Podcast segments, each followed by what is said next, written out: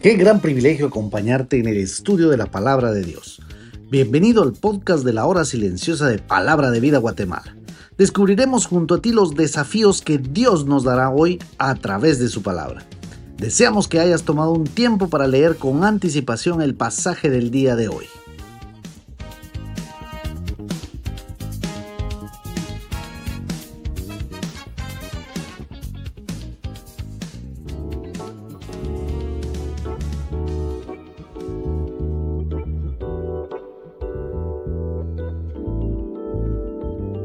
Qué gusto, la verdad, poderte saludar una semana más en este podcast. Gracias por siempre apartar un tiempo ahí para acompañarnos y tal vez ver otro punto de vista de este pasaje distinto al que tú viste en tu tiempo a solas con Dios.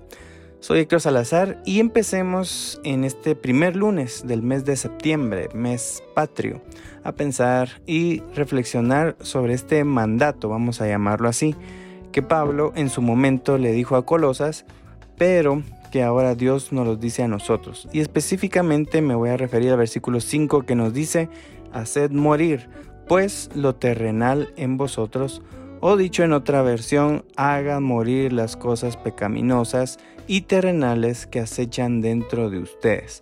Pero antes, em, leamos toda la porción de la palabra de Dios que tenemos para hoy que estamos en el capítulo 3 de Colosenses, del versículo 1 al versículo 7. Ahí la palabra de Dios entonces dice, si pues habéis resucitado con Cristo, buscad las cosas de arriba donde está Cristo sentado a la diestra de Dios. Poned la mira en las cosas de arriba, no en las de la tierra, porque habéis muerto y vuestra vida está escondida con Cristo en Dios. Cuando Cristo vuestra vida se manifieste, entonces vosotros también seréis manifestados con Él en gloria. Haced morir pues lo terrenal en vosotros, fornicación, impureza, pasiones desordenadas, malos deseos y avaricia que es idolatría, cosas por las cuales la ira de Dios viene sobre los hijos de desobediencia, en las cuales vosotros también anduvisteis en otro tiempo cuando vivíais en ellas. Acá en el capítulo 3, Pablo ya empezó la parte práctica de la carta. En los capítulos 1 y 2, Pablo ya abarcó muchos conceptos. Ya abarcó aspectos doctrinales de que Jesús es la cabeza de la iglesia, em, que es el primogénito de la creación, es el primogénito de entre los muertos, es el que tiene y debe tener la preeminencia, o sea, ese primer lugar en nuestra vida y que también ninguno de los colosenses debe creer ni seguir filosofías ni ninguna clase de legalismos establecidos por hombres. Ahora en el capítulo 3 Pablo retoma dos verdades bíblicas importantes, la muerte de Cristo y la resurrección de Cristo, pero aplicándolo a nuestra vida. Fíjate que en capítulo 2, versículo 12 dice, mediante la fe en el poder de Dios que le levantó de los muertos. Y en versículo 13 sigue diciendo, y a vosotros estando muertos en pecados. Dos veces Pablo menciona el hecho de estar muertos. Sigamos a capítulo 2, versículo 20, basado en esa verdad, dice, pues si habéis muerto con Cristo. Le pregunta a los colosenses, ¿por qué siguen obedeciendo a los que les dicen, no toquen eso, no coman aquello, etcétera? Primero entonces, en base a esto, tú y yo tenemos que vivir muertos al pecado. Si un muerto ya no reacciona, eh, ya no siente, nosotros muertos al pecado ya no tenemos que reaccionar, ya no tenemos que sentir atracción a las tentaciones, ya no tenemos que querer satisfacer nuestra carne. Ahora, lo segundo es en cuanto a lo que Pablo dice respecto a la resurrección. En el mismo versículo 12, capítulo 2, Pablo dijo, sepultados con él en el bautismo, en el cual fuisteis también resucitados con él.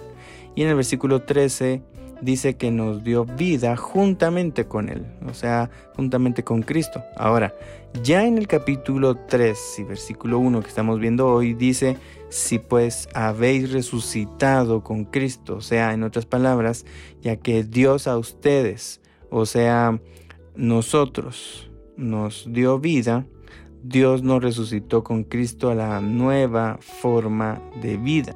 Prácticamente, entonces ahora nos da tres mandatos eh, o tres órdenes. Primer orden, versículo 1, dice buscar las cosas de arriba, o sea, dediquen su vida a hacer lo que a Dios le agrada. Esto haría que los colosenses dejen de buscar cosas terrenales que ya mencionó anteriormente en capítulo 2, versículo 21 y 22. Segunda orden, versículo 2, poned la mira en las cosas de arriba, o sea, concentren su atención, piensen en Dios, piensen en Jesús, piensen en lo santo, en lo que sí es importante. Y por último, la tercera orden, versículo 5, haced morir pues lo terrenal. Morir ahí, en su original griego, significa maten. Pablo entonces dice, maten todos sus malos deseos. ¿Por qué? Porque después que da una lista de ejemplos, ahí en versículo 5, en versículo 6 dice que Dios derrama su ira sobre estos pecados, inmoralidad sexual o relaciones sexuales prohibidas, avaricia. ¿Por qué? Porque se vuelve idolatría, etc.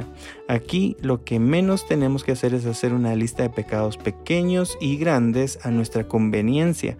No vamos a decir que la mentira es un pecado pequeño y la inmoralidad sexual es un pecado grande. No. Aquí tenemos que pensar todo pecado tenemos que matarlo porque Dios nos resucitó con Cristo a una nueva vida con una nueva forma de comportarnos. Y en esa nueva vida a la cual resucitamos no tiene que haber pecado. Y punto. Es así. Por eso, vívelo. Mi querido y mi querida, definitivamente en este pasaje, hoy nos hace recordar a Dios que nos da tres órdenes, que incluso están en modo imperativo. Eso significa que solo se puede obedecer o desobedecer. Y es buscar las cosas de arriba, poner la mira en ellas y matar malos deseos pecaminosos. Sea cual sea el tipo de pecado que nos está afectando, hay que matarlo. Y luego, cuando pienses en cómo voy a aplicarlo a mi vida, no vayas a escribir nada a la ligera. No te lo recomiendo. Porque si viene a tu mente un pecado y escribes, Dios, voy a matar esto, esto, esto, y no lo vas a hacer, vas a pecar. ¿Te recuerdas el versículo de Santiago 4:17 que dice que el que sabe hacer lo bueno y no lo hace, es pecado, ¿verdad? Entonces, ya para terminar te pido dos cosas. Primero, te sugiero que pienses bien y te responda realmente, Dios, ¿qué pecado tengo que matar? Y segundo, bueno, segundo, definitivamente vas a tener que hacer algo, vas a tener que escribir respecto a ello, porque eso te va a comprometer ante Dios con matar ese pecado en tu vida. Y tercero, hazlo, tienes que hacerlo. Vive como alguien que mata sus pecados y pone su mira en las cosas del cielo.